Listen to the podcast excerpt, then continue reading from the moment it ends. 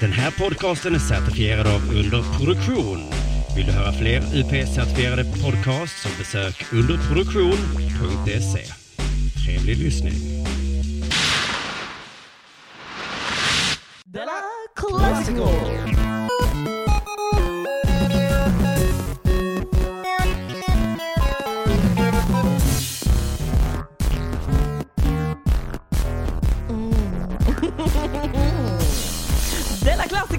Angenämt, angenämt, trevligt att vara tillbaka igen. Tycker jag. Jag hoppas att ni känner att ni har samma känslor inför det här. Della Classico. Det här Best of-programmet som presenteras av mig, Thomas Högblom. Jag hoppas att ni har fått liksom att ni, ni som är kvar, att ni kan liksom acceptera mig på något vis. Jag, jag kräver ju inte villkorslös kärlek, att ni ska bli helt hängivna, men men någon form av, eh, vad ska vi säga, respekt skulle jag ändå vilja, vilja ha. Någon form av, um, vad ska man säga, vad ska vi kalla det för, att man, något intresse, lite nyfikenhet. Vem är det där? Vad har han att säga? Vad hans liv kanske inte är världens spännande, men det är ändå värt att lyssna lite grann på vad han säger. Och um, om, ni, om ni tycker liksom att det är uh, att jag verkar spännande och intressant på något vis eller vill ha kontakt så jag finns ju på de här alla de här sociala medierna som finns. Jag finns på de flesta. Jag har inte Ja men jag har Facebook Jag har uh, Twitter, jag har Instagram och uh, Snapchat har jag. Och sen har jag någon sån här YouTube-kanal också, men jag, räk jag vet inte, jag om jag har förstått saken rätt så räknas det som, ett, som sociala medier.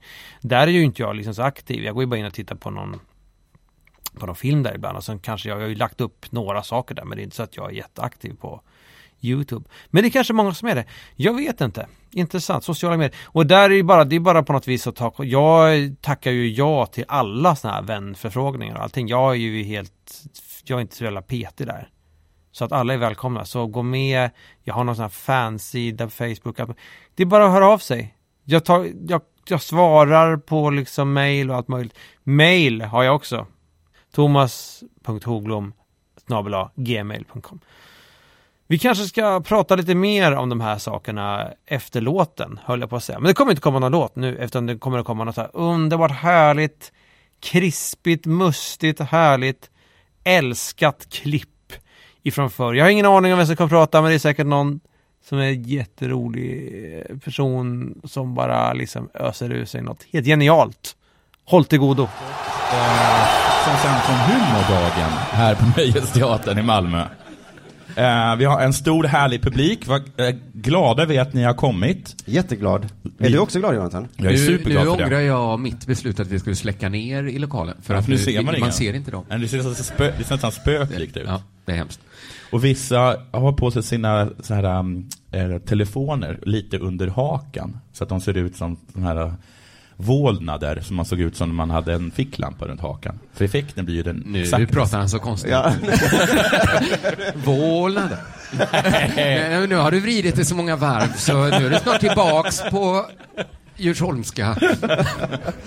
Wow Jonathan. Ja, wow, willy wow. Mm. Ehm, Vad duktig du är på att prata två dialekter samtidigt. Innan vi sätter igång eh, så måste jag meddela att eh, jag, måste, jag har en taxi som väntar 15.55.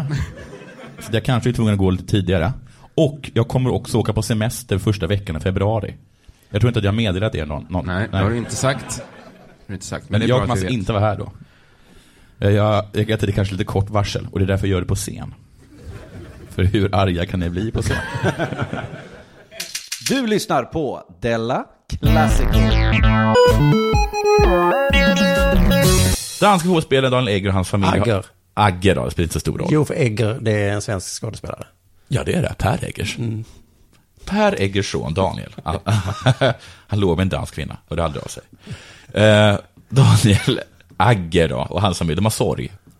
Va? Deras hund är död. Nej. Hunden heter Charlie.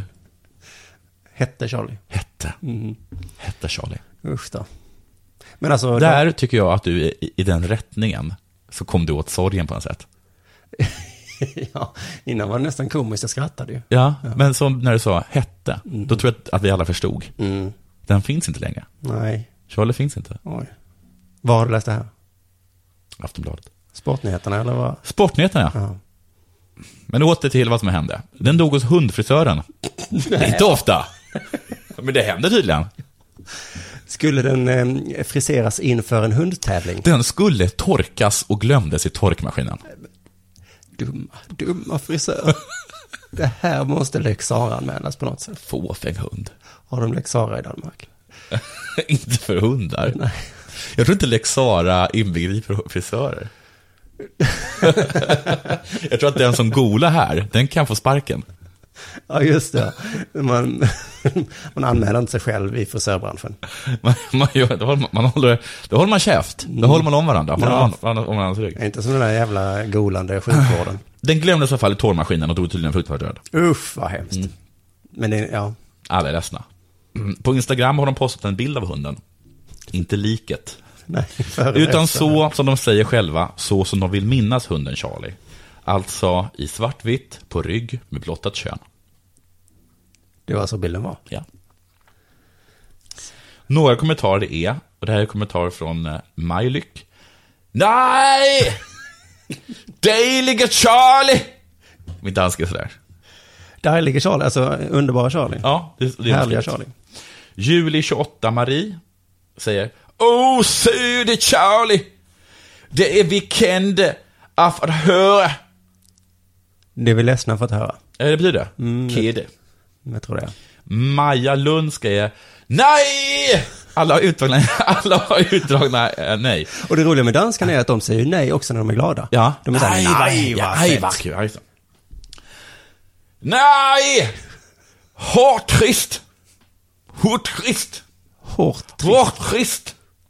Mm. Det är tråkigt i alla fall. Jeanette Rivad. Åh nej! Söder Charlie Boy. Huske ham stadig som lille valp, då vi holdt nytår hos jer i Liverpool. Den söderste vide töje Bamse. Jag, jag är säker på, att han får det uppe i hundehimlen. Jeg sender en masse varme tanker til hele familien. Det är ju faktiskt att förstå nästan allt det där. Visst gör det? Men eh, hund... Förlåt, hund skriker jag den här nu? eh, det vet jag inte. Men om du hundfamilj, jag tänker, Tøjbamse, blir det? Bamse. Vem? Tøjbamse. Bamse är väl som en nallemås? Den sødeste hvide tøjbamse. Ja, vad ska jag säga? Jo, att hundhimmel... Huske ham stadig som liten valp, då vi holdt nytår til her fodbold Liverpool. Jag, jag kommer fortfarande ihåg det som valp. Men. Ja, precis. men jag tänker hundhimlen, eh, hästarna har ju ett egen himmel som heter Trappalanda. Nej, Men hundar har ju bara det var hundhimlen. bara hundhimlen. Alla sa jättefina saker. Men alltså denna Instagram-bilden med kommentarerna var också på eh, sport. Det var en bild på den, men sen gick in på Instagram. Det Ja. fanns länkar till Instagram också. Men bra faktiskt. Eh, alla var, sa bra saker, förutom Mbadk. Mm. Som passade på att försöka kränga en hund. Oj. Ja. Ja, Jag hörde att du inte hade hund. Vad sägs om hund? Tillgång och efterfrågan. Ja, det var en... Här finns tillgång. Han såg en möjlighet. Ja, Till verkligen. hennes död. Ja. Landets bröd. Han lindade in det lite, men han försökte sälja hund. Wow. Ja. Ja, vad ska man säga? Jag uppskattar ju framåtandan. Bra nyhet såklart, men hur mycket påverkar det här Daniel Aggers spel? Jag vet ju att den här Mohamed Bangura till exempel. Nej, vi kan ta Yahya Touré. Ja, men Yahya Touré har ju varit dålig Ja. i Manchester City. Och det har de sagt att det kan ju bero på att hans eh, bror eller någonting dog i våras. I... För Bangura är ju rädd för sin familj för att de ska få ebola. Ja, men han hade också ett dödsfall i familjen eh, när han spelade i någonstans. Ja. Och då var han sämre. Ja, han var det. Så att det här kan ju faktiskt påverka. Okej, men är det, hur mår, hur mår Ronaldos marsvin? Nej, men det, det, vill man veta. Messis chinchilla. Nej, men det skulle kunna vara nyheter. Messis flickvän är lite eh, ledsen idag. Ja. ja, men då kanske det var en bra nyhet då. Ja, det var en jättebra nyhet. Della Classico! Nej men det var väl ungefär samtidigt som jag började med eh, stand-up comedy som jag också blev eh, medveten om att det fanns någon form av sociala medier helt enkelt. Och det är ju så när man håller på med sådana här skoj, då tänker man att eh, då, då vill man inte sluta skoja. Man vill skoja hela tiden och dela sitt skoj, man vill se på andra skojare, man vill på något vis rättfärdiga sitt beteende. med liksom. men så är det, med alla som håller på med sådana här skojerier, de älskar ju, det här är ju en gåva. Och, och en förbannelse, lite grann, det här med sociala medier. Jag började, jag började, jag började för tio år sedan, över tio år sedan, det är fan inte klokt alltså. Och jag är väl den som, jag ska säga, har den minst lyckade, men minst framgångsrika komikern i hela Sverige. Jag, jag, jag, jag kan liksom, jag, jag har ganska dåligt självförtroende. Jag är inte mycket för skryt, men en sak kan jag ju skryta med, eller en sak som jag kan säga. Jag är ju ganska bra på det jag gör. På, på scenen, det här vet du fan vad det är jag håller på med. Men sen jag står på en scen och då kan jag fan skoja. Det är inga, det är klart jag kan det. Men det har liksom aldrig, det har liksom aldrig klickat på något vis. Jag vet inte vad som händer.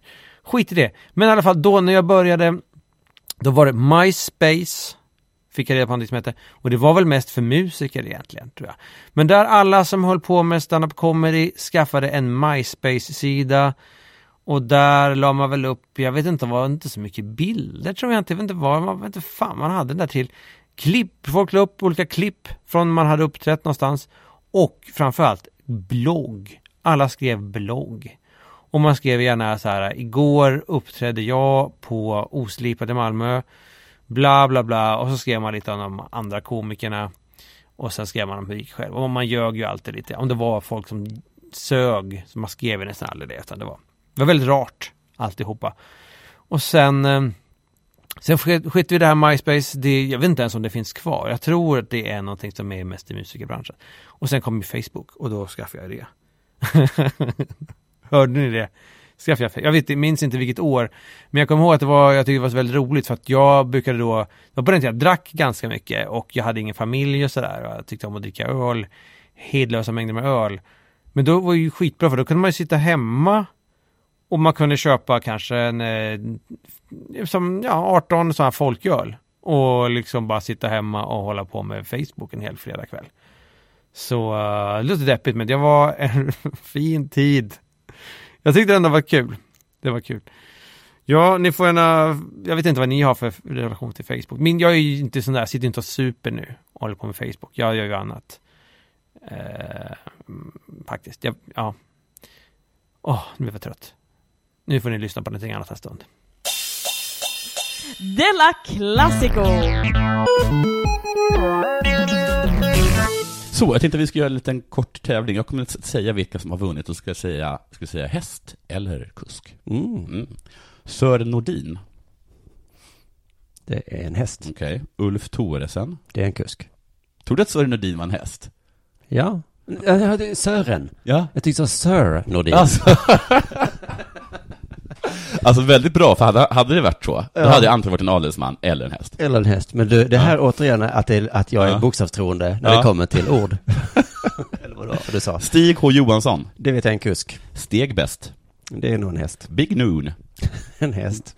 Karsten Buer, Eh, kusk. Bullvark. Eh, häst. Här kommer svår. Rex Rodney. Alltså härligt talat, den är inte helt lätt. Nej, men det är en eh, häst. Ja, eller en kille som är engelsman. Ja, Rex Rodney. Fast det som heter Rex kanske.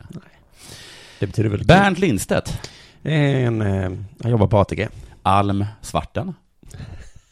Det kan vara norrman. Ja, men det är väl trots allt en, ett, en, en hingst. Uno Sved, Sved. eller Swed.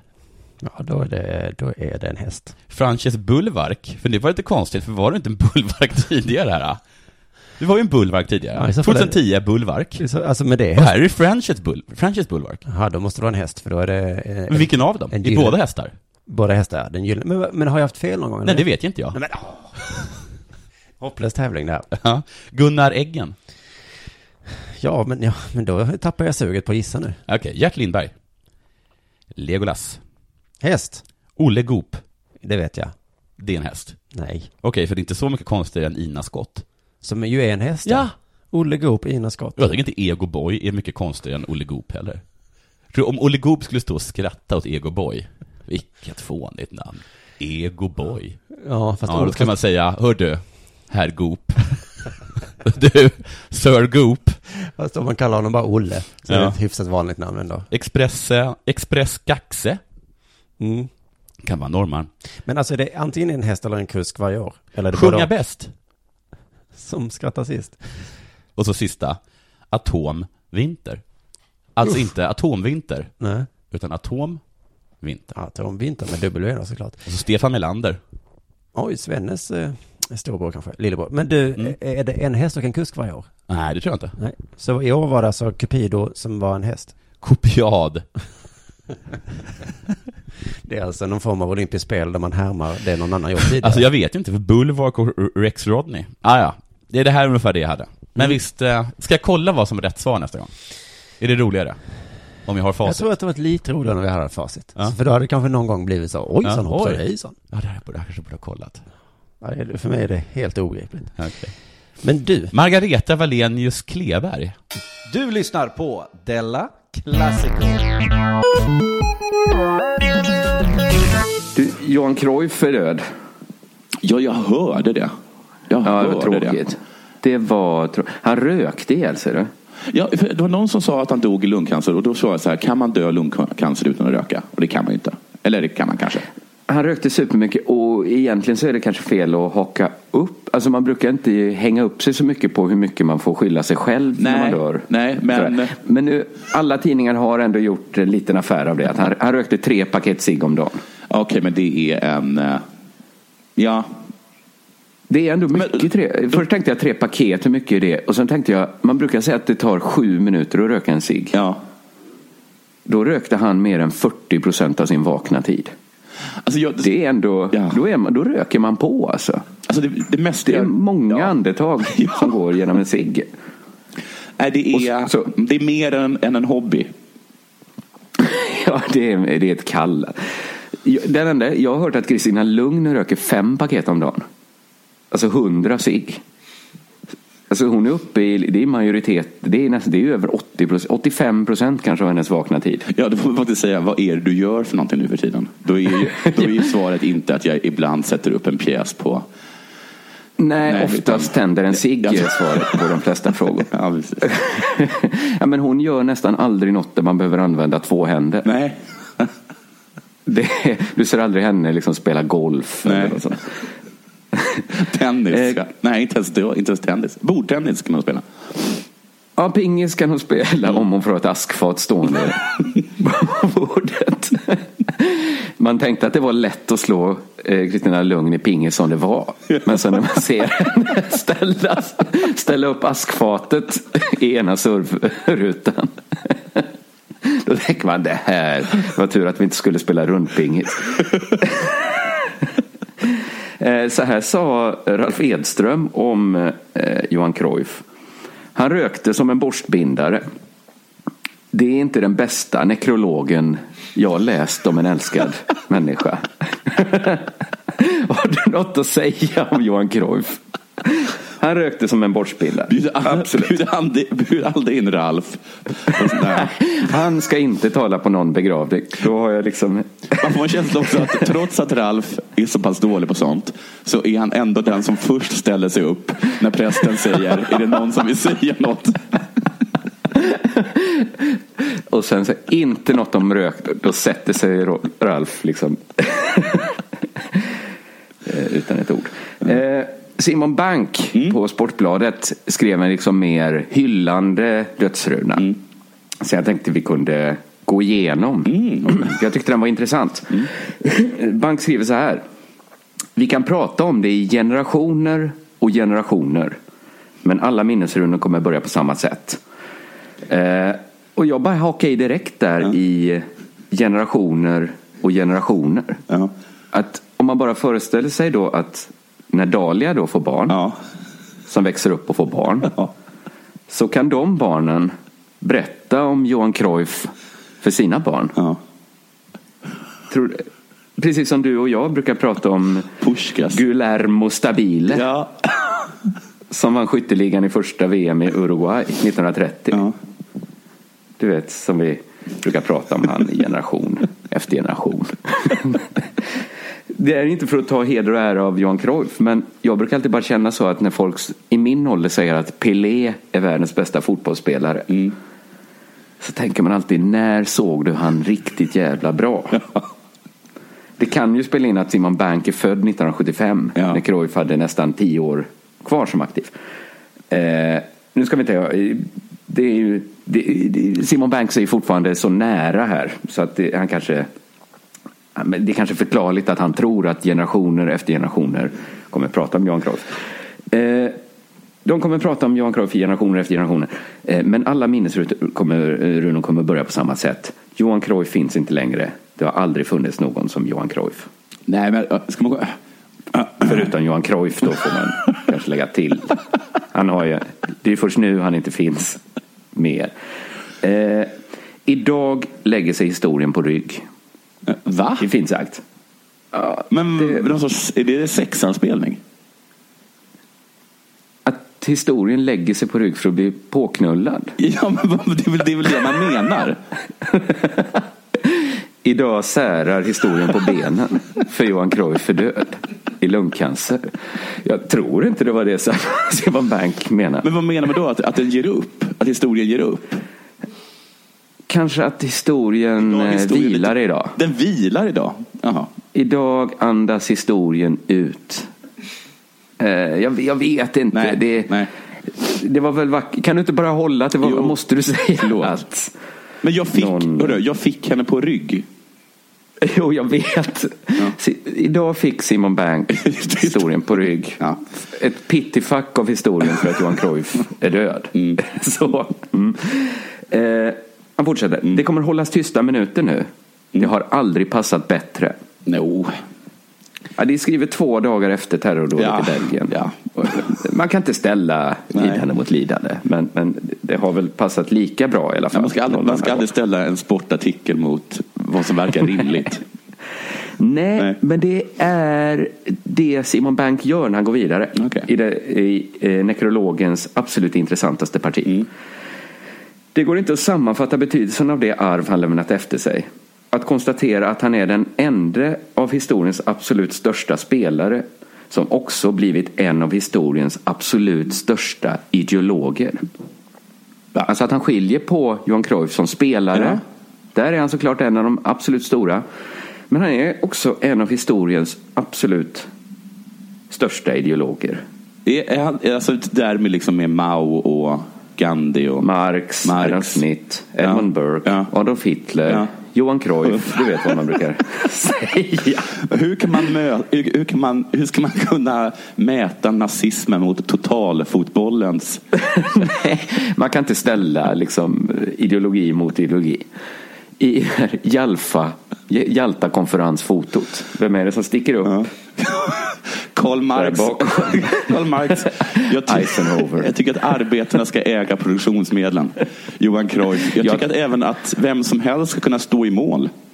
Ja, backarna ska kunna följa med upp i anfall. Det är väl... Eh, det är, men, men han är ju då hjärnan bakom den holländska totalfotbollen. Men ja, jag tycker så här, ett litet krav är väl att ens idéer måste vara spridda utanför fotbollen. Ja. Tänk, alltså vad i den, det är ju det som är skönt med fotboll, att det inte är den riktiga världen. Men att historiens största ideologer kanske jobbar där. Så jag tänkte, Simon Banks kanske bara uttryckte sig klump, liksom lite klantigt sådär, när hon är känslomässigt rörd av att historien har lagt sig på rygg för honom. Nu, nu känner Men jag att det då- känns lite, förlåt, förlåt. Det- känns det ganska skönt tycker jag att eh, Ralf Edström fanns där och, och vägde upp på något sätt. Kan du säga, han rökte som en börsbindare. Absolut. Eh, Men det märkliga är att Simon Bank fortsätter driva i bevis att som historiens absolut största ideolog så har Johan Cruyff arbetat utanför fotbollen. Ah, ja, ja, okej. Eh, Han jobbar med anekdotisk bevisföring. Här kommer det till längre stycke. Häromåret gjorde jag, alltså Simon Banks, Bank, en poäng av att stanna kvar en dag extra i Barcelona efter någon av alla matcher. Jag ville se till att äta på Drolma, restaurangen på lyxhotellet Majestic nere på Paseg de Gracia. Fermi Pujig, legendarisk kökschef där, hade nämligen inte organiserat sitt kök efter samma principer som alla andra kök i världen. Han ville laga mat som man spelar totalfotboll. Okay. Men vad betyder det?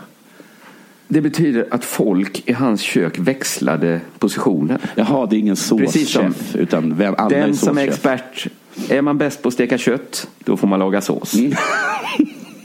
Hon som brukar hacka grönsaker, hon kanske får göra efterrätten.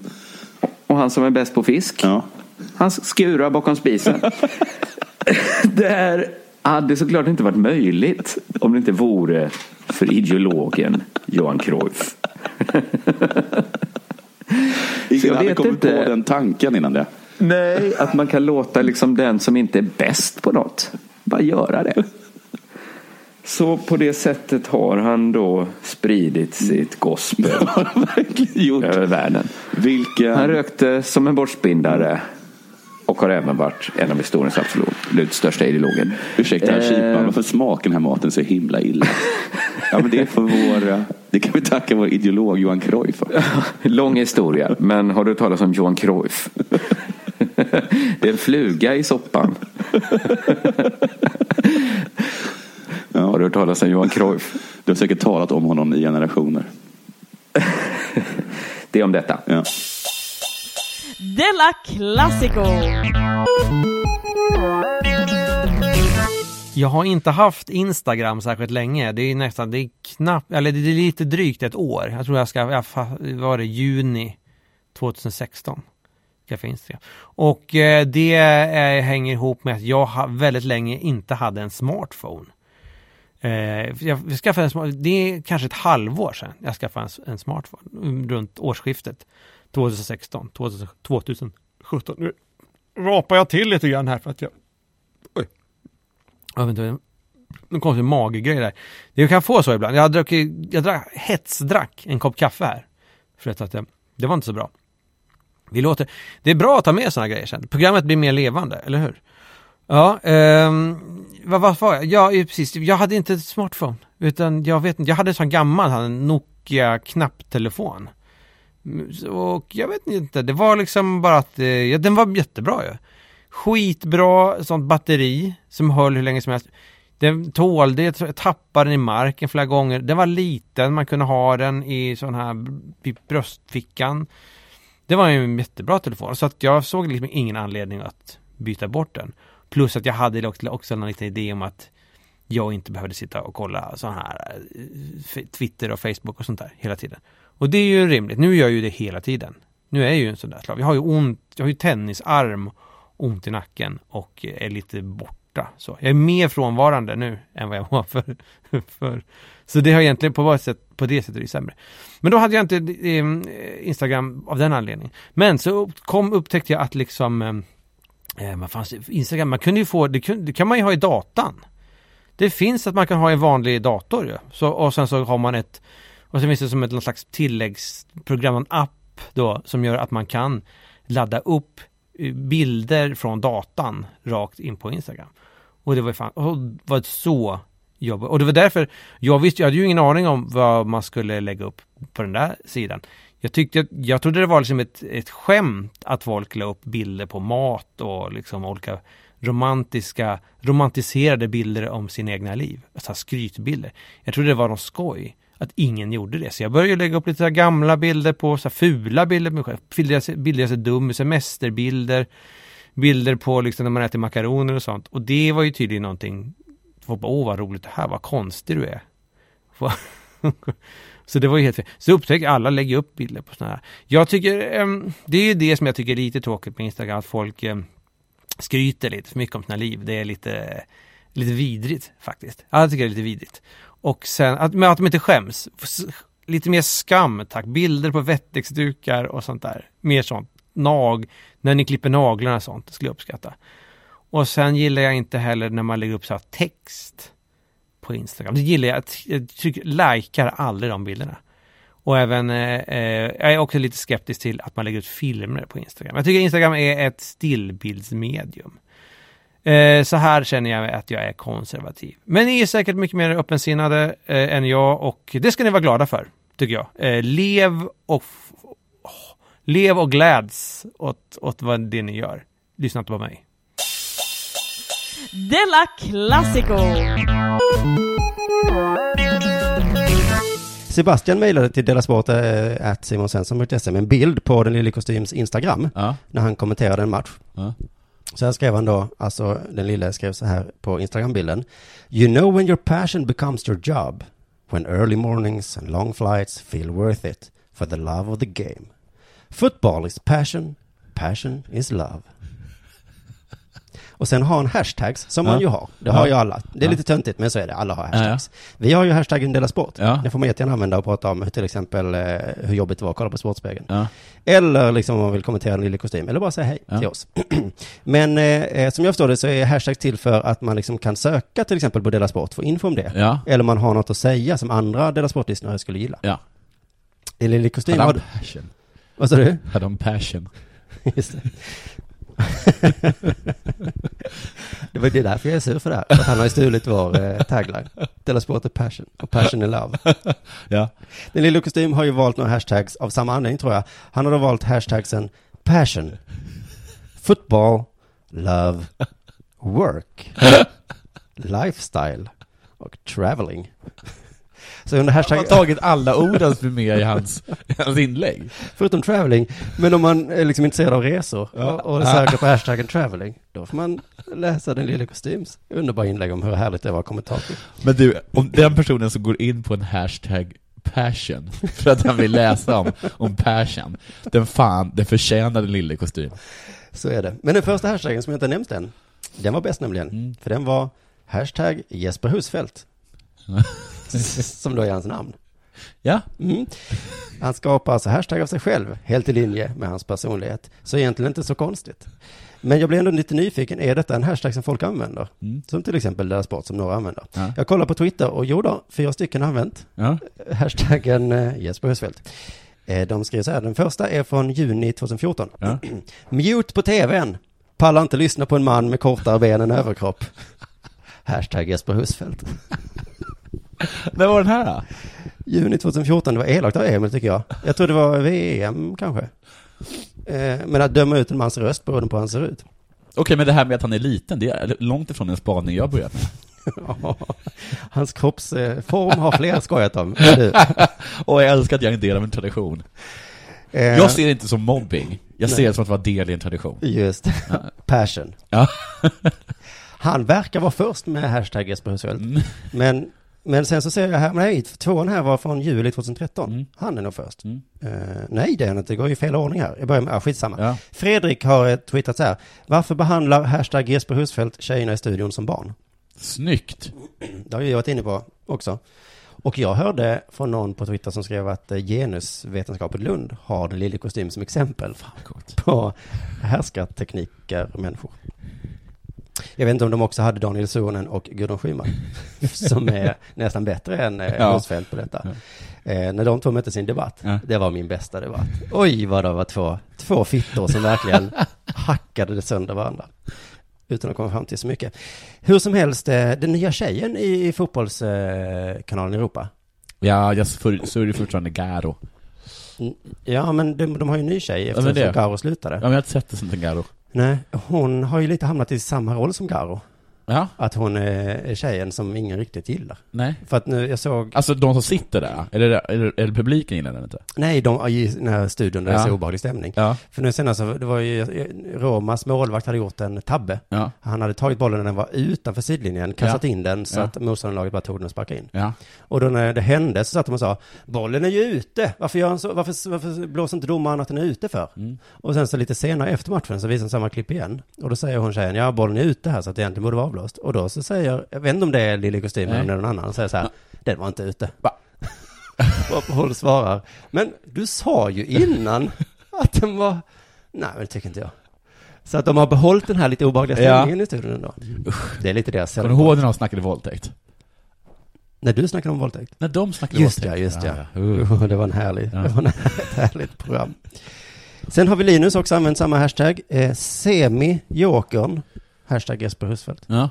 Helt obegriplig tweet. Men, Lilla Jokern, är det det? Ja, kanske. Ah, skitsamma. Sen Fritz Jägenhofer. som kallar sig Mr Snygg på Twitter. Alltså. Jag gillar inte folk som flyttar till Stockholm och byter dialekt. Ah, den där. Men att bo i Stockholm och bryta på italiensk- italienska, det är bara tragiskt. Ja. Hashtag Jesper Husfeldt. Det är så att han, att han uttalar så, att han säger Rama. Juventus. Så visst är det en använd hashtag det här. Mm. Men det är inte enda man talar väl om den i kostym. Främst i alla fall. Du lyssnar på Della Classico. Twitter är någonting som har engagerat mig ganska mycket. Inte nu har jag liksom lagt ner verksamheten rätt mycket jag, jag tyckte det blev för jobbigt. Jag tror att jag skaffade Twitter först, vad kan det ha varit? 2008 eller 9, jag kommer inte ihåg riktigt. grann. Och, så bör, och det är ju liksom upplagt för folk som håller på med skämt, skämt, skämt. Man skriver så här små lustiga, små korta lustiga saker. Eh, det kan vara, ja, aktuella grejer brukar funka bäst. Om det har hänt någonting, om Christer Sandelin har sagt något dumt, om invandrare till exempel, sådär. Då skriver man att det kan vara, det kan inte alls vara speciellt kul skämt. Man kan bara, eh, ja, och då funkar det jättebra. Men jag orkade inte. det. Så jag skrev massa Twitter och så blev det lite uppmärksammat. Det var lite, folk tyckte det var roligt. Det var med i en bok faktiskt, fick jag mina Twitter var med. De var med i en bok som hette Rikets salboken. Och det var någon sån här, Rikets sal var någon form av det var väl Valle Westesson och Kringland K, Kristoffer Svensson och eh, Nanna Johansson och eh, det var någon mer. Jag kommer inte ihåg. Eh, helt tappat bort det. Det var ett gäng där. Och då, då, då gav de ut en bok och då eh, var jag liksom med i den boken. Med mina Twitter. Och då la jag ner mitt Twitterkonto efter det. Jag tänkte att nu har jag gjort mitt. Nu är det bra. Ehm, men sen började jag starta upp det igen, det här Twitterkontot. Kanske 2013 tror jag. Och twittrade, twittrade. Och mitt mål var egentligen att få mer följare än en annan komiker. Som jag inte än vill avslöja namnet på. Men jag var lite sur på att den komikern hade så mycket mer följare än jag. Så att, men nu har jag uppnått det målet. Så att nu känner jag, jag har inget att kämpa för längre. Eh, så jag skriver inte så mycket roligare. Det är ansträngande att hålla på och skriva sådana här Twitter tycker jag. Det är lite det är enklare att jobba med bilder, tycker jag. Det är enklare att liksom retweeta. Alltså, jag höll aldrig på så här retweetade grejer och sånt, jag försökte alltid skriva liksom lite roliga grejer. Jag hade liksom med, jag gjorde liksom ett slags poddprojekt av det här också. Jag var med i någonting som heter Pendlarpodden. Som var en slags podcast med massa olika människor. Och då, då hade jag någonting, att jag, jag, hade- jag hade någonting som jag kallade för appendix till mitt eh, Twitterkonto. Och då läste jag upp liksom lite tweets som jag tycker har blivit liksom inte, inte fått så mycket likes, eller inga alls, eller liksom blivit missförstådda. Och det kunde låta, då kan jag ta liksom som ett tweet, ungefär som det här podden lät, då kanske jag tar så här. Eh, så här eh, 21 maj 2016. Tidsmaskinen. Åker till 1991.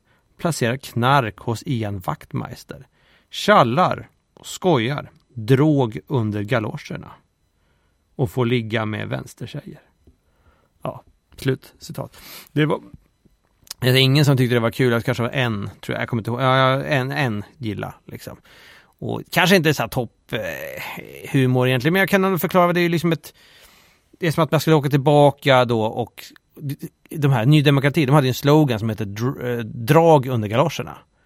Så, och då att man skulle liksom eh, skoja till, alltså att man skulle, jag skulle lägga knark hemma hos han Ian Wachtmeister, han som var led, partiledare för det partiet. Och sen skulle jag skriva något skoj då om drog under galoscherna. Och sen skulle så här vänstertjejer, eh, de skulle gilla mig, skulle vilja ligga med mig. Eh, så det var det, som- och det är ju liksom lite knasigt. Så. Och det var, det var lite, tyckte jag i alla fall. Men det var det kanske lite referenshumor som kanske inte alla begriper. Uh, ja, precis, exakt så. Så där kunde det där uh, Pendlarpodden, det kunde låta. Det finns nog kvar att lyssna på någonstans där ute. Pendlarpodden, Thomas Högblom, appendix till mitt eh, Twitterkonto. Uh, ni kan lyssna på det efter det här. Ja, gör det, gör det. Tio avsnitt tror jag det finns. Eller något sånt. Du lyssnar på Della Classico. Vet du vad, jag undrar, eh, fick en sån rädsla om att jag kanske är psykiskt sjuk. Ja. Eh, För att jag läste en sportartikel och så fick jag känslan, har Tittar du jag... själv i spegeln? Ja men, jag läste Nej, en så himla himla hemsk eh, eh, artikel. Ja. Och så skrattade jag. Jaha, ja. Och då undrar jag liksom, är jag så sjuk Nej, det är du inte. så att jag inte har ja, men usch Jag jag ska, skrattade under hela det här med de här Ja. små fåglarna. men jag ska testa den lite på dig nu, så ifall du skrattar så är det inte bara, bara jag i alla fall Nej. som är, som är galen. Eh, rubriken så här, landslagsstjärnans häst Mm. träffad av blixten. Ja. Ja, vi skrattar med Ja. lite redan där. Ja. Det är inte bara jag. Nej. Mm, Okej, ingressen. Hade den, hade den ställt sig under det högsta trädet? Ja, du ska få se, du ska få se. Häst. Landslagsmannen Ja. blev vittne till hur familjens lånehäst Nej, det här blir dyrt. Blev träffad av blixten och avled. Vad fan, är det, är det ett begrepp? Lånehäst. Familjens lå- Får vi låna er häst? Nej, det är väl... Okej då, men var försiktig med den då. Men, Ja, ja, ja, ja, vi ska vara inte, försiktiga Men inte med en häst man har lånat, utan en lånehäst. Som ett lånekort. Och det är så, den här, eh, jag har ju lånat den här gräsklippan, man säger inte det här är min lånegräsklippare. Nej, men det Då, här, då måste det liksom vara ett begrepp. Precis som lånekort. att med den här hästen får man låna andra hästar. Nej men att det finns, ja men, ja, men, ja, men något sånt. Ja. Ja. men det här är alltså en häst som man lånat då. Ja. Mm. Och de var så himla noga med att säga, vi ska vara försiktiga. Ja. Låt inte den stå ute Nej. när det blixtrar va? Nej. Gör inte, vad heter det, betslet av koppar. Vi har såklart en lada. Ja. Eller spilta. Eller att vi har en lada. Får jag bara låna hästfjäveln nu? Vi ska ha den. Ingressen är slut. Nej, den är inte slut. Hästen flög upp i luften. Oj, oj, oj. Det var sant. jädra otäckt, säger Tack! Tack för att du skrattar så gott. Om jag hade sagt så om Dahlia hade ramlat ner för en bergsvägg. Men det är ju jättehemskt. Ja. Måste han beskriva det så lustigt? Ja, verkligen. Hästen flög. Jädra otäckt du. Flygande hästar. Det var tydligen ett av de kraftigaste åskvärdena i Hälsingland på många år. Mm. I, i, då, I Hälsingland, i Hertsjö, bor Per Hellsmyrs, som jag då trodde var en hästlandslagsmänniska. Mhm. Men det visade sig att det var en eh, spelare i Bollnäs. Jaha. Alltså eh, bandy. Jaha, så var det därför det var en sport. Han, har, han kan ju inte hästarna, så Nej. det här det förklarar ju ett och annat. Mm. Precis. Vi fattar väldigt sent. Men här, där bor han då tillsammans med hustrun Anna-Karin Mm. Hellmyrs. En lånehäst. I alla fall, de har en hästhage. I hästhagen stod två hästar. Familjens egen hin, hingst och en lånehäst. Ja. Ja. men det, den har ingen namn eller? Den, den senare blev osannolikt nog träffad av en blixt. Ja. Mm. Okej, det var inte jättekul. Men nu. Nej. Hellmyrs och familjen stod i sin inglasade altan Ja. och kollade på. Fan vad mysigt det låter. Nej, nej, där är kommatecken, sen kommer ordet Ja. maktlösa. Ja, Vi pratade först om att vi kanske borde gå ut och ta in hästarna. Nej, hur länge stod de maktlösa? Men vi hann inte. De stod maktlösa på sin inglasade altan. Det regnar, vad ska vi göra? Vi kan ju inte gå ut. Då blir vi ju blöta du. Nej, vi står här. Eh, en minut senare var det en extra kraftig Skaffa ett paraply innan du skaffar en lånehäst. Ja, det borde ju utlånaren ha sagt. Ja. Har du paraply? Annars så får du det här. Annars blir du totalt maktlös. Eller vill du ha med ett paraply också? För det ingår Du nämligen. kan få låna ett paraply. Ja. Jo, vad står det här nu? Det, det, det, det. Vi vågade inte gå ut. En minut senare var det en kraftig smäll och så ser vi att hästen blev träffad. Den flög upp i luften och var det jädra otäckt. Det är Ja. samma som stod i ingressen. Ja, ja. I alla fall, Ja. visst är det kul här. Eh, sen fortsätter han. Det blev panik med ungarna. alltså hans egna barn. Ja, ja. Mm. Chockartat. Ja. Så jag sprang ut i hagen och hämtade den andra hästen. Hade Men jag, vad fan! ja, hade jag varit lånehästens ägare, hade blivit tokig med läst Och också att han erkänner det här i Ja. Aftonbladet. Det är en jävla idiot. Då var det fortfarande blixtar och dunder. Men liksom- vad är, hur är det? Det är så här, vänta, eh, egna hästar och andras pollar, eller så här. Journalisten ställer i alla fall frågan som vi alla vill veta svaret på för en Mm. gångs skull då. Hur mår han nu? Vem? Alltså, äh, hästen då? Den flög ju! Nej! Den hästen, den andra hästen. Vad fan! På riktigt? Vad är det för okänslig reporter? Helmer svarar. Ja? Han saknar sin kompis.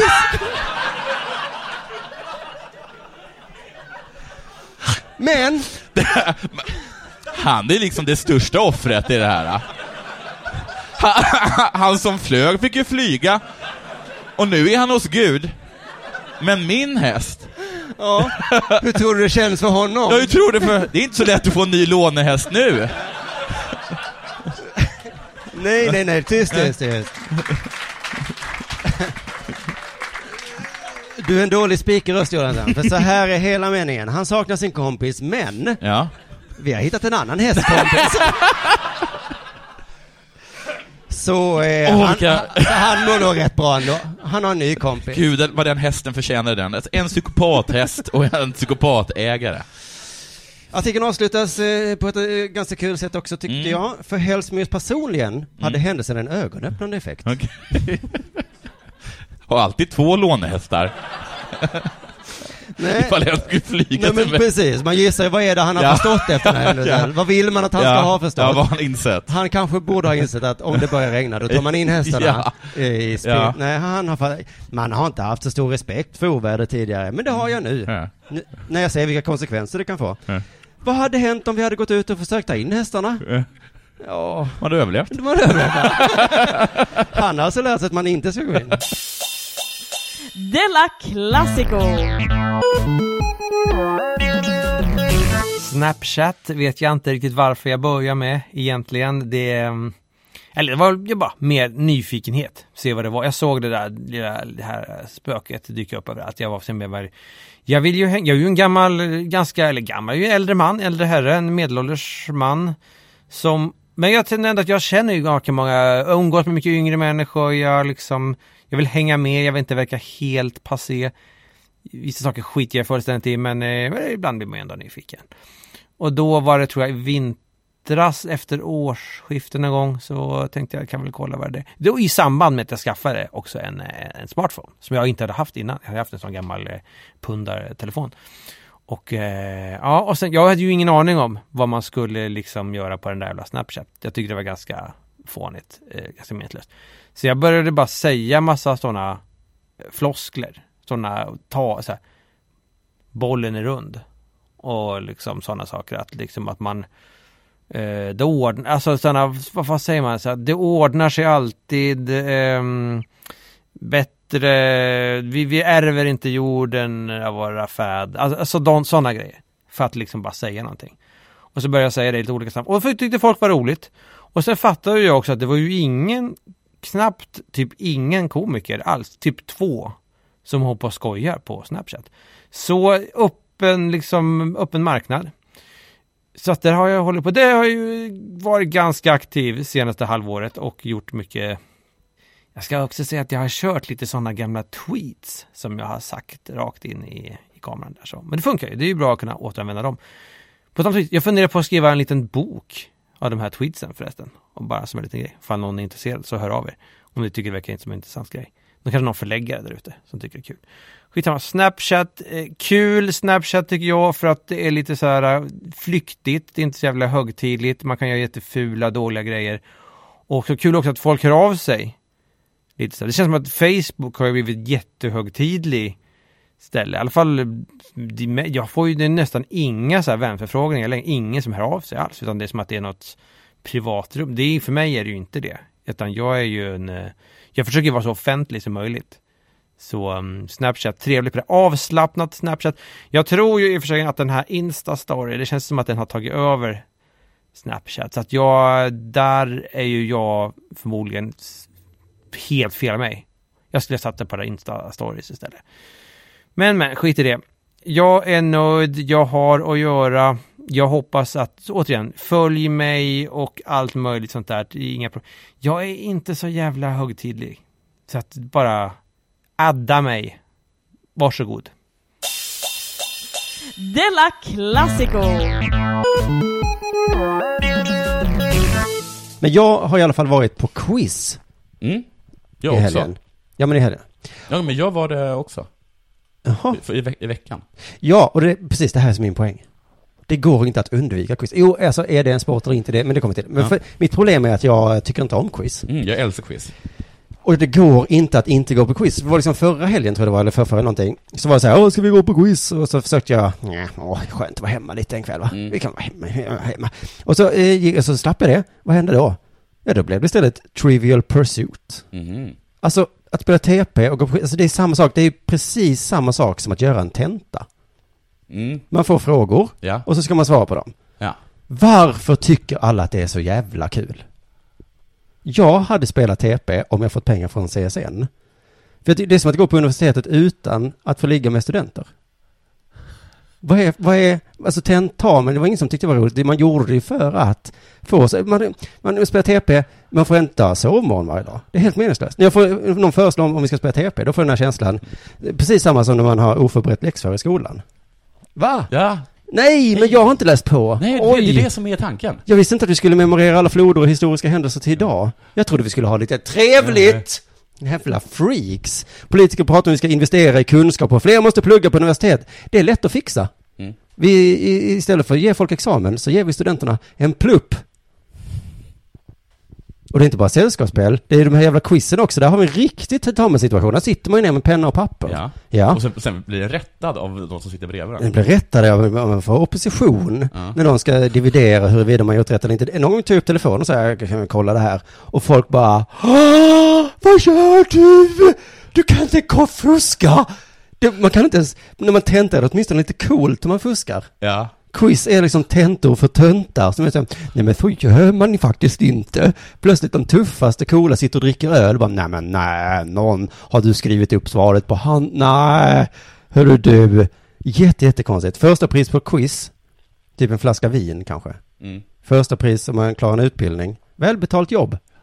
Gå en utbildning istället, Jonathan. Gå inte på de här jävla quizen. Det räcker ju inte där heller. Folk spelar TP hemma, har quiz. Dessutom tittar de på frågesport i TV.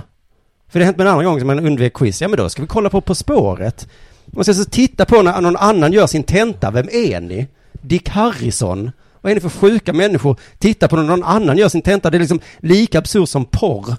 Jag skulle älska att se eh, av tentamen. Älska. Ja, jag vet. För det är så sjukt. Du tittar du på porr också? För jag tycker det är så Ja, jag himla sjukt. Och jag är kåt. Jag vill kolla på när någon annan har sex. Vad är det för sjuk grej att göra? Men vadå, runkar du framför en spegel? Är det samma form av upphetsning när du kollar på På spåret då? Åh, den där! I min quiz, quizfantasi så hade jag fått fyra frågor samtidigt. När mina kompisar kollar på På spåret så, så har de någon slags tävling. Ja, jag gör det. Jag skriver ner, tävlar mot dem. Att de ska komma på svaret innan de gör det i tv. Ja. Är det samma när du kollar på porrfilm då också? Jag kom först. Igen. Booyah! In your face, Rocco. Var var jag? TP och quiz och skit ja. Men just det, det räcker inte där heller. Jag är på väg till, dessutom, du är ju ett bra exempel på detta. Spelar, gå på quiz, kolla på spåret och så dessutom har du quizkampen. Mm. Så du kan ha tentamina varje minut på dygnet, alla timmar. Och det är också så stödbeteende, varför måste du gå runt och visa för alla att du kan saker? Men det är ett sätt för mig att träffa människor. Ja men går jag runt och jonglerar eller? Nej, jag är ganska bra på att jonglera, så att, eh, jag är ganska duktig på det. Kan du, ska vi, ska, ska du, ska vi tävla lite i det? Kanske du tycker att jag ska sluta vara så negativ? Ja, du spelar väl fotboll och sånt? Men jag är inte negativ. Nej. Jag har opponering. Och du, min vän, herr quizare, du fick icke godkänt. Du lyssnar på Della Classico. Har du hört att Stefan Holm har slått eh, nytt rekord? Då? Ja, jag hörde det. Världsrekord, tror jag det var. Ja. Rekord var det i alla fall. Han har ännu en gång inte hoppat högst i världen. Han har snart rekordet i att inte ha hoppat högst i världen. Så han har inte hoppat högst i världen så himla många gånger. Eh, Han har liksom hoppat högst i förhållande till sin längd. Ja, i förhållande till kanske liksom utseende. Högst i kil, högst i liksom... Han är den Stefan som hoppat högst i hela världen. Han har störst huvud också. Ingen, ingen med den proportionen kropp-huvud har hoppat så högt. Ratiot axelbredd huvudtyngd. Ingen med det ratiot har hoppat så högt som Stefan Holm. Nej. Eh, Den här gången är det högst för sin ålder. Ja. Han är den man över 40 år som hoppat högst. Just det, är Det- en svensk han har slagit till och med? Han slog en svenska. På sin 40-årsdag slog han det gamla höjdhoppsrekordet för män över 40 år. Ett rekord som stått sig sedan 1966, alltså nästan 50 år. Mycket för att ingen har brytt sig om det. Alltså det, jag tycker man märker det på att det, har slag, det inte har slagit sedan 1966. Alltså The Fosbury Flop introducerades ju 1968, så det här är ju en kille som dök. Han saxade över. Han sax, nej jag tror till och med de dök på den stilen. Liksom, tiden på, liksom, de hade ju inte ens madrass.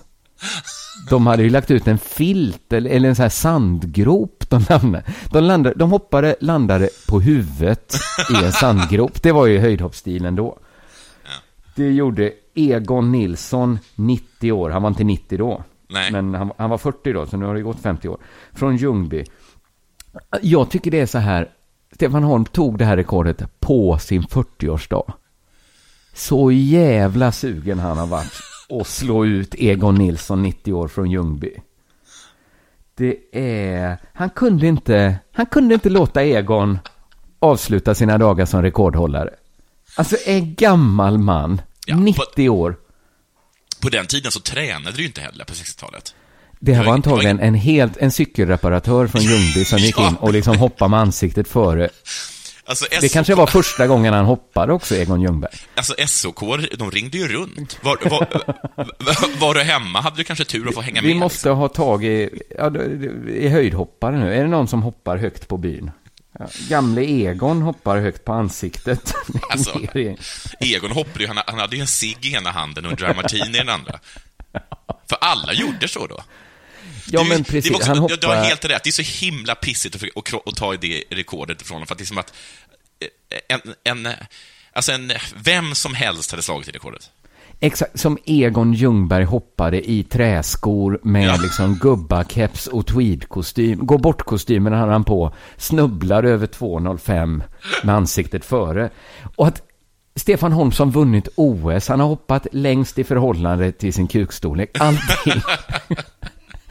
Allt, alla rekord har han. Men Egon Nilssons gamla fina rekord från 1966, det kunde han väl fan låtit vara.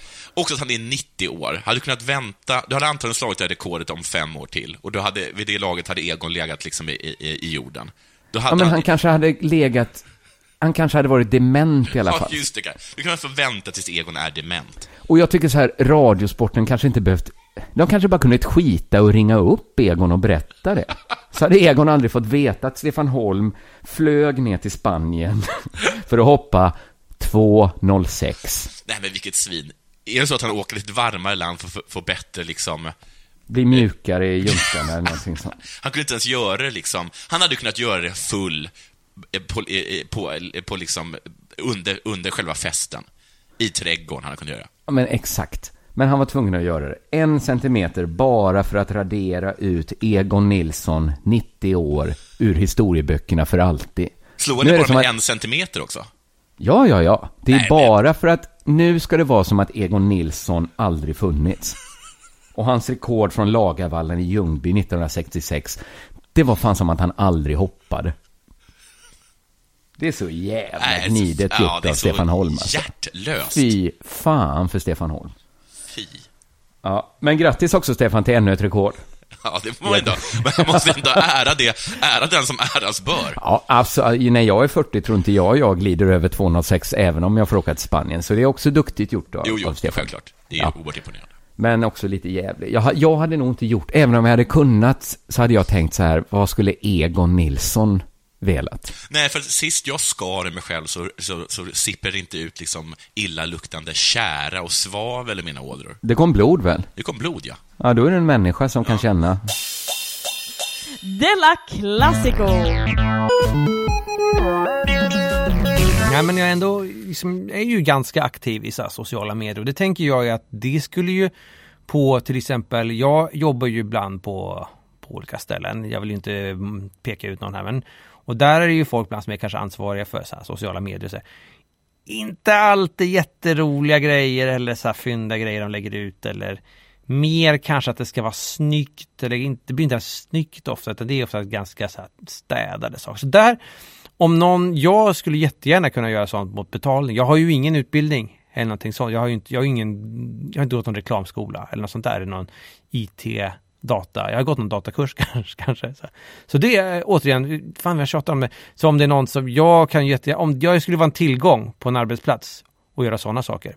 Om någon tycker att åh fan vi måste, vi har ju en sån här Facebook-sida, kan ingen uppdatera den? Jo, ja om jag jobbade på den arbetsplatsen. Då kan jag sitta och göra Facebook-sidan, uppdatera den och skriva roliga grejer. Och eh, göra någon sån här Instagram och allt möjligt sånt. Så det är inget problem. Jag, kan, jag tar inget extra betalt för det. Faktiskt, det ingår, det ingår i paketet. Bara säger det. Eh, sen, kan, sen gör ju naturligtvis så gör ju andra vanliga de här arbetsuppgifterna som är på det här eh, eventuella företaget. Jag kan ju svara i telefon, alltså det är ju liksom Jag har ju telefonvana också kan jag ju säga och det är ju sådär att det ringer och säger man Det här är min, nu kommer min telefonröst där. Hej hej välkomna till företaget, vem talar jag med? Så kan jag kan presentera mig också. Hej, ni talar med Thomas Högblom, ni har kommit till företaget. Vem talar jag med? Så, eh, så där skulle jag kunna svara då om jag jobbade då på, på ditt eh, jobb. Jag vill helst inte sälja sådana grejer och så här till gamla tanter och sånt där. Det, är det, jag, jag, nej, det, jag vet inte. Men någon form av, eh, vad ska man säga, helpdesk eller någonting. Någon eh, support. Varför inte det? Bara det är liksom lite trevligt, inte bara inget deprimerande ställe. Så om ni känner igen det här att det här, det skulle funka på vår, på mitt, jag är chef, jag anställer folk, det här låter toppen. Hör av er då till eh, Thomas utan H, thomas.hogblom eh, snabel A eller at eh, gmail.com. Så kan vi liksom bolla lite, kan vi snacka lite grann. Så kommer, vi kommer säkert komma överens. Gärna i Malmö med omnejd. Eller om det är någon form av distans. eh, Så, ja. Ja, det var det. Du lyssnar på Della Classico. Jag hade tänkt prata vidare om, eh, är det VM de har nu i Lahtis? Ja, det är det. För Kalla, det har inte varit, Kalla tog brons i alla fall Ja. i lördags. Sveriges första medalj i mästerskapet och hon blev eh, intervjuad efter det. Mm. Eh, och då lyssnade jag på den intervjun eh, på Radiosporten. Mm. Och eh, på samma sätt som eh, att jag bara kände att det var länge sedan jag hade koll på intresserade mig för svensk fotboll så kände jag att det var länge sedan jag lyssnade på Radiosporten. Mm. För jag kände inte igen mig. Jag blev lite förvånad att de hade hottat upp sin produktion så mycket. Och börjat med en helt eh, ny typ av frågor. Jag kan spela upp här hur intervjun eh, som Bengt Kött eh, hade med Kalla. Jag tror han heter Bengt Kött. Okej. Skött kanske. Bengt Skött. Okej. Ja. Eh, jag kan säga så här. Ja, så här började intervjun. Nu är det Melodifestivaltider. Ja. Vilken svensk schlager under, din, eh, under ditt liv har varit din bästa låt? Oj.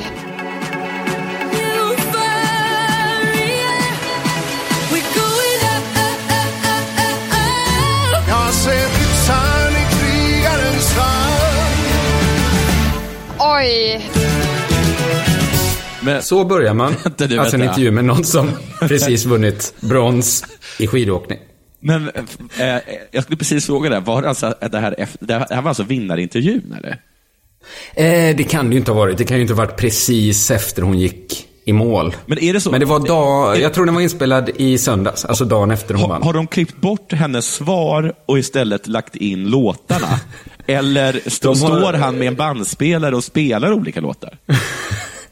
Ja, men det, det tror jag ligger i postproduktionen att de klippt in då Lo- Loreen och eh, Roger Pontare då för att exemplifiera vad en schlagerlåt kan vara. Okej. Eh, Så att alla ska vara med på det. Eh, Men då är man ju, oj, sa Kalla då. För hon blev lite tagen på sängen av den här frågan. Men vi ska ändå få ett svar på vilken hennes bästa schlagerlåt under sin levnad har varit. Det var svårt. Den där frågan skulle ni nästan ställa till Emil Jönsson. Jag tror han får ta bollen som eh, schlagerexpert i landslaget. Är det så? Ja, så är det. Det blir inte riktigt något, något svar ens på den, på den frågan. Nej, vad heter det? Så är, är, är, det också, är det ett klassiskt trick de har i skidlandslaget? Att, att bolla över allting till Emil Jönsson? När det blir för Även de mest bekväma frågorna som inte är det minsta jobbiga att ställa eller svara på, de bollar man över till Emil. Men är det här någon sorts, Eh, ny, istället- är det någon sorts ny taktik från Radiosporten? Det här, jag har hört det här att man kan, ska börja en intervju med, med kanske lite vänliga frågor eller någon helt knasig fråga så att de liksom tappar, man tappar gardet. Och sen efteråt så frågar de, eh, har du dopat dig? Eller något sånt där. Ja, men det hade man kunnat fråga. För att det här leder då in på den här frågan om vilken hennes favoritschlager är som hon inte svarar på. Mm. Så leder det in på en ny fråga. Nämligen om hon har någon eh, playlist. Har du spellista möjligen som du lyssnar på musik före lopp? Gör du det? Jag tänkte idag att jag borde göra en spellista men eh, det var Lale som gick het på morgonen hos mig i Vierumäki på hotellrummet. Vilken låt? I know I gotta work today, oh yes sir. Work. Men är det... Är det inte en konstig intervju det här? Men är det, det, är som att, det är som att P2 har fått så här ångest över att de inte är ungdomliga längre och gjort en sorts P3-inslag, fast i sporten. Mm. Ja, för det, det var väldigt mycket så här musik, eh, liksom, det, det är ju en riktig produktion det här, där de lagt in då hennes låt med Lale som hon har lyssnat på. Men hittills i intervjun så har de frågat vilken slaglåt är din favorit, det har hon inte svarat på. Nej. Hon har fått frågan, har du en spellista? Vi fått veta att hon, hon funderar på att skaffa en. och då får, har vi också fått veta att hon har lyssnat på Lale och då kommer en följdfråga om Lale. Har du sett henne live någon gång? Nej, men jag skulle jättegärna vilja göra. Vad är rubriken på den här, på den här intervjun? Alltså, vad är... Alltså, om du har klickat på den, för jag, jag ligger... Jag ska kolla vad rubriken var. Den var eh, Kalla. Emil Jönsson får ta bollen som slagerexpert i landslaget. Nej. Och klippet heter Charlotte Kalla. Lali gick het på morgonen. Det, säger, det är inte ens ett direkt citat tror jag. Att Lali skulle ha gått het eh, på morgonen. Eh, nu ska vi se här. Då är det inte så också att så här, Radiosporten alltid skryter om att, de har, att, att det är den stressigaste sändningen för att de har så oerhört lite tid? Eh, Mm. Radiosporten, och de ska, måste hinna med så himla, himla mycket. Så att det finns liksom inte tid. Precis, för det är ju sport hela tiden och över hela världen och olika sporter och det är alltid VM i något. Ja. Och då har de hittills frågat om hon har en playlist, om hon har sett Lalle live. Det har hon inte, men hon drömmer om att få göra det en För att, för att även om de fortfarande hade tyckt att det här var en bra idé, så borde man Mm. ändå så här, ska vi köra den här intervjun där vi inte fick fram någonting? Eller ska, eller ska, precis. Varför har de sänt ut den? ja, alltså jag kan tänka mig, herregud, det är klart man kan göra dåliga saker, men varför sänds den? Ja, precis. För sen får hon en fråga vad hon gillar att titta på för idrott på TV. Och då svarar hon att det är friidrott. Eh, och sen kommer lite frågor om vilken stad. Det, det är så himla random frågor också. Det kanske är, man får lite känslan av att det är ett hopklipp. Det bästa det här. Av Jättemånga frågor. Ja, och det fanns, det fanns mycket, mycket mer misslyckade. Som, eh, Ja. som vad tycker du om strumpor? Och- så, de, de var så här? Radiosporten sa, det här är inte Radiosportskvalitet på, de här. Gå fram till Kalla Fråga om, och frå- fråga om spellista. Gå fram till Kalle och fråga vad han tycker om strumpor. Trams. Fråga om han sett Lale live. Annars, annars får du aldrig mer jobb här. Ja, men eh, är det ett sätt att komma liksom kalla lite in på skinnet? För i så fall misslyckas det ju lite. Att jag tycker inte jag känner Kalla. Eller kanske känner jag att det inte är så mycket att lära känna i så fall. Nej, det, det blir ingen svaghet. Det är ingen som kommer så här skrika åt henne. Du har ingen playlist. Nej, Nej. du har aldrig sett Lalle live. Nej. Hörru, Eh. svara på dina egna frågor istället för att bolla över dem till Emily Jönsson. Så det, på, så- på så sätt har man inte kommit under skinnet på henne. Det har man inte gjort. Nej, det har man inte gjort. Vi kanske får veta nu när hon ska svara på vilken stad hon skulle vilja. Det är lite så Mina vänner-bok över frågorna tycker jag. Lite, Att de- lite sämre frågor än Mina vänner-boken skulle jag säga. Mm, vilken stad skulle hon helst vilja bo i?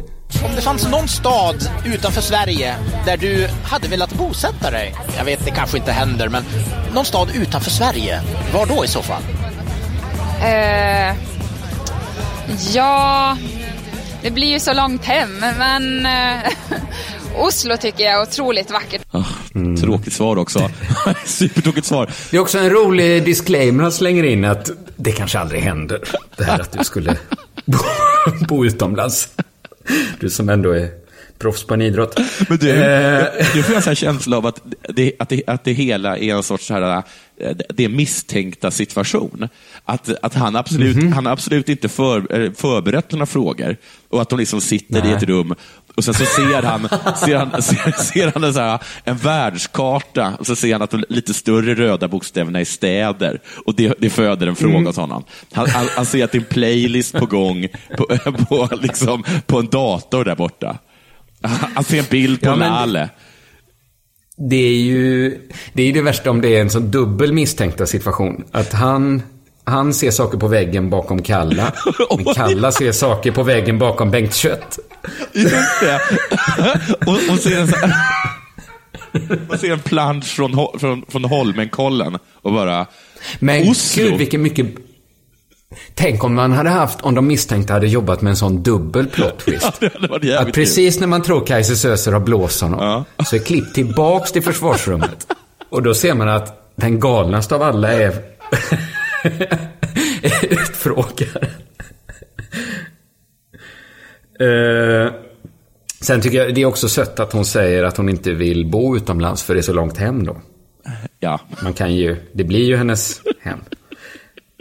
Bara för eh, formalians skull så tar vi väl och... Men för det här låter som att eh, då är, det, blir det så himla jobb, jobbigt för att man är tvungen att åka hem varenda gång man måste byta om. Alltså, så låter det som. Precis, hem och, Alltså, det jag måste hem och duscha. Det är så långt att åka hem och duscha Ja, nu. precis. När jag bor i Oslo. Jag bor i Oslo, men det kostar mig liksom 4 000 varenda gång jag ska, jag ska, ska byta strumpor. Och han bara, vad tycker du om strumpor?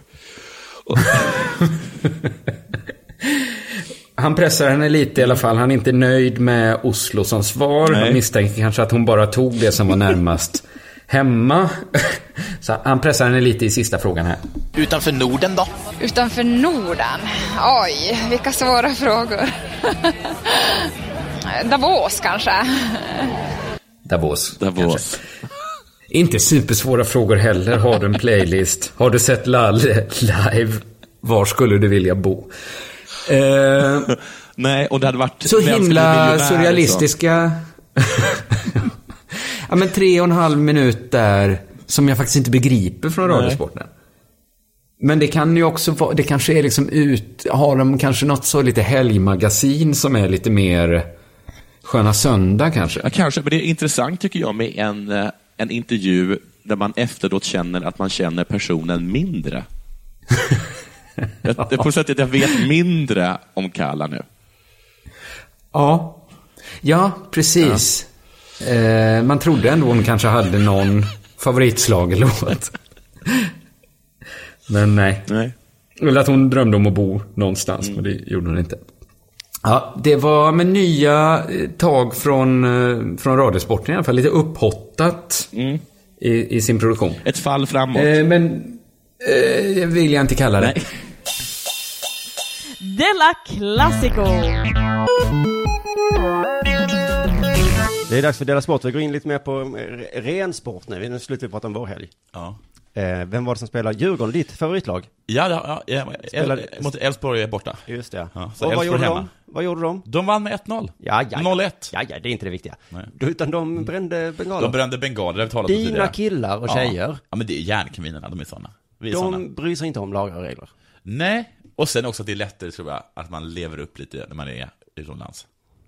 Utomstats. Ja, jag tror att man ska se det som en komplimang. Mm. För det har jag läst i en sån här, eh, att man bränner bara när det är viktiga matcher. Ja. Man kan inte bränna alla. Nej. Så att Elfsborg ska ta åt sig det. Ja. Säga att det här var... Men de kastade in en, det stod knallskott, men jag tror inte folk riktigt vet vad knallskott är för någonting. Jag tror de har, jag tror det är en sorts medianamn på allting som låter pang. De hade kastat, kastat in någonting på, på, på planen och sen så sprang Dum, äh, förlåt, nej jag vet inte, nu ska jag vara försiktig här. Men så här, vet du jag känner nu? Ja. För det var ju en brandman som sprang fram, Mm. tog, eh, tog upp den här saken som, som han, uppenbarligen var ett fyrverkeripjäs liksom. Mm. Tog upp den, synade den väldigt noga. och så sa det pang. Och så sa det pang. Lite som en sån här Disney-film. Ja. Anka springer fram och bara, det ligger en raket här. Den funkar inte, jag tittar in i hålet här. Spring inte fram och håll upp den framför ansiktet. Men jag det, tycker det vet väl en sjuåring att man inte gör. Nu, men jag vet inte, nu inte jag... Men hellre det än så att det smäller på målvakten kanske. Ja, okej, det var, gud vad fint. Han, var, han, var, han täckte, han täckte det med sitt ansikte. Han kastade sig fram och täckte med sitt ansikte. Elfsborgs eh, ledarmänniska, jag blev så himla arg, sa han, nu, nu vi funderar på att inte låta stockholmare komma hit längre. Och titta på matcherna. Ja, och jag läste om det här i Aftonbladet och då berättade de att Man vet ju hur stockholmare är. Ja. Inte just du Jonathan, dig Nej. känner jag, du bränner inte bengaler, men alla Nej. andra. Alltså ni kan ju inte låta bli, det ligger på något sätt i ert sätt att vara. Er kultur, jag vet inte vad det är. det här känns rasistiskt. Nej, vi kan inte ha stockholmare på arenor. Ja, på era egna arenor kanske. Vet du, du vet vad det värsta är med det? Eller vet du vad, vet du vad han motiverade för varför de inte kan ha det? Ja, men man hör ju hur vår publik reagerar. Ja, just det. Ut med packet, skriker de. De skriker, de skriker, de skriker ut med packet. Vi kan inte ha dem. Vi kan inte ha dem där. Ingen vill ha dem där. Ni hör ju, de paraderar i... De ska få ett hakkors. Ut med packet, skriker de. Det är väl argumenten. Den här domaren kan uppenbarligen inte döma våra matcher längre. Du hör ju vad publiken skriker. Han De är ju säger, en han dömer tydligen som en kärring. Han dömer som en kärring. 10 000 människor skriker. Han dömer som en kärring. Ja, men då är han väl en, eller liksom, vad ska jag säga? Vi måste ju lyssna på. Men du, jag har till en grej med, med Elfsborgs grejer. Ja. Att de hade sagt så, var så här, men det där gillade inte många av de tillresta Djurgårdarna, ungefär. Jag citerar fritt nu. Så de började skrika, vad är det för buse? Och så, eller liknande. Till, alltså de gillar inte... In, in, inom, Nej. inom gruppen, är fan har gjort det där? Och sen så slutade de inte skrika, först han har blivit utpekad, tagen och utlämnad. Mm, på ett sätt så gillade jag det. Ja, jag gillade det, först gillade det också, men sen att det bara, gud vad obehagligt att vara den personen. Man kastar någonting och så hör man, fan? Vem är det? Vem var det som kastade? Nu... Så börjar folk peka, det var han, och så kommer någon och bara tar tag i den. Det är antagligen ens kompis. Som, som minuten innan sa, gör det, gör det. Och Gör sen det. lämnar ut det till Ja. vad jag gissar är Elfsborgs klack. Ja, antagligen det. Alltså, som skriker hit med packet. hit med packet. Och då säger Elfsborgs tränare, ja men de skrek De att de, skrek. de ville ha honom. Häng honom i närmsta lyktstolpe. 10 000 skrek det. Du lyssnar på Della Classico. Dags att börja runda av, dags att börja runda av. Som man brukar, de brukar säga det en del ståuppkomiker. Äh, jag ska börja runda av. Jag vet inte varför man säger så. Man märker ju ofta när det är, jag känner inte att man behöver den nedräkningen. Det kan ju vara skönt i och för sig om det är en pissdålig komiker, då är det så här, men då är ju ofta grejen att den komikern fortsätter ju en kvart i alla fall. Så att det där jävla runda av, det är ju bara något, så det är något verbalt tics.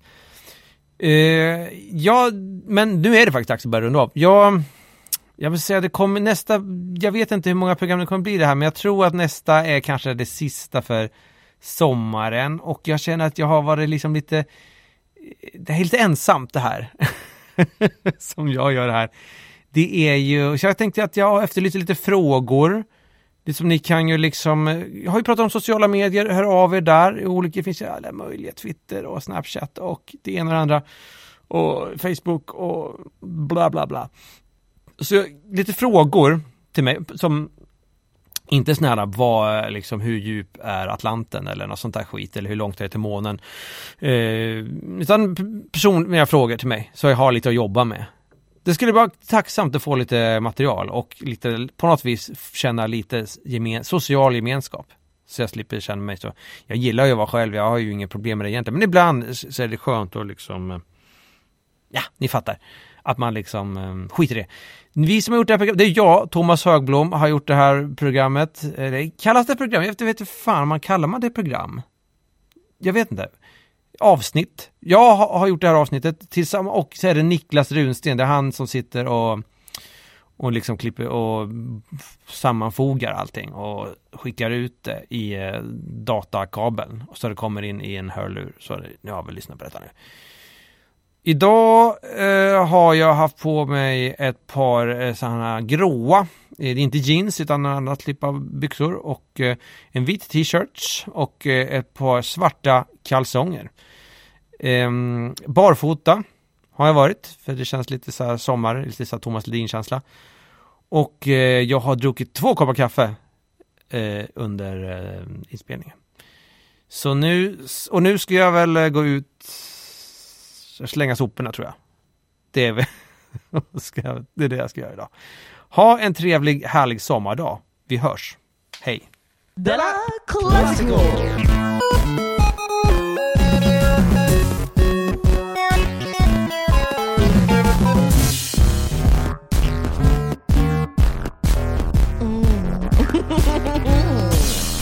Della Classico!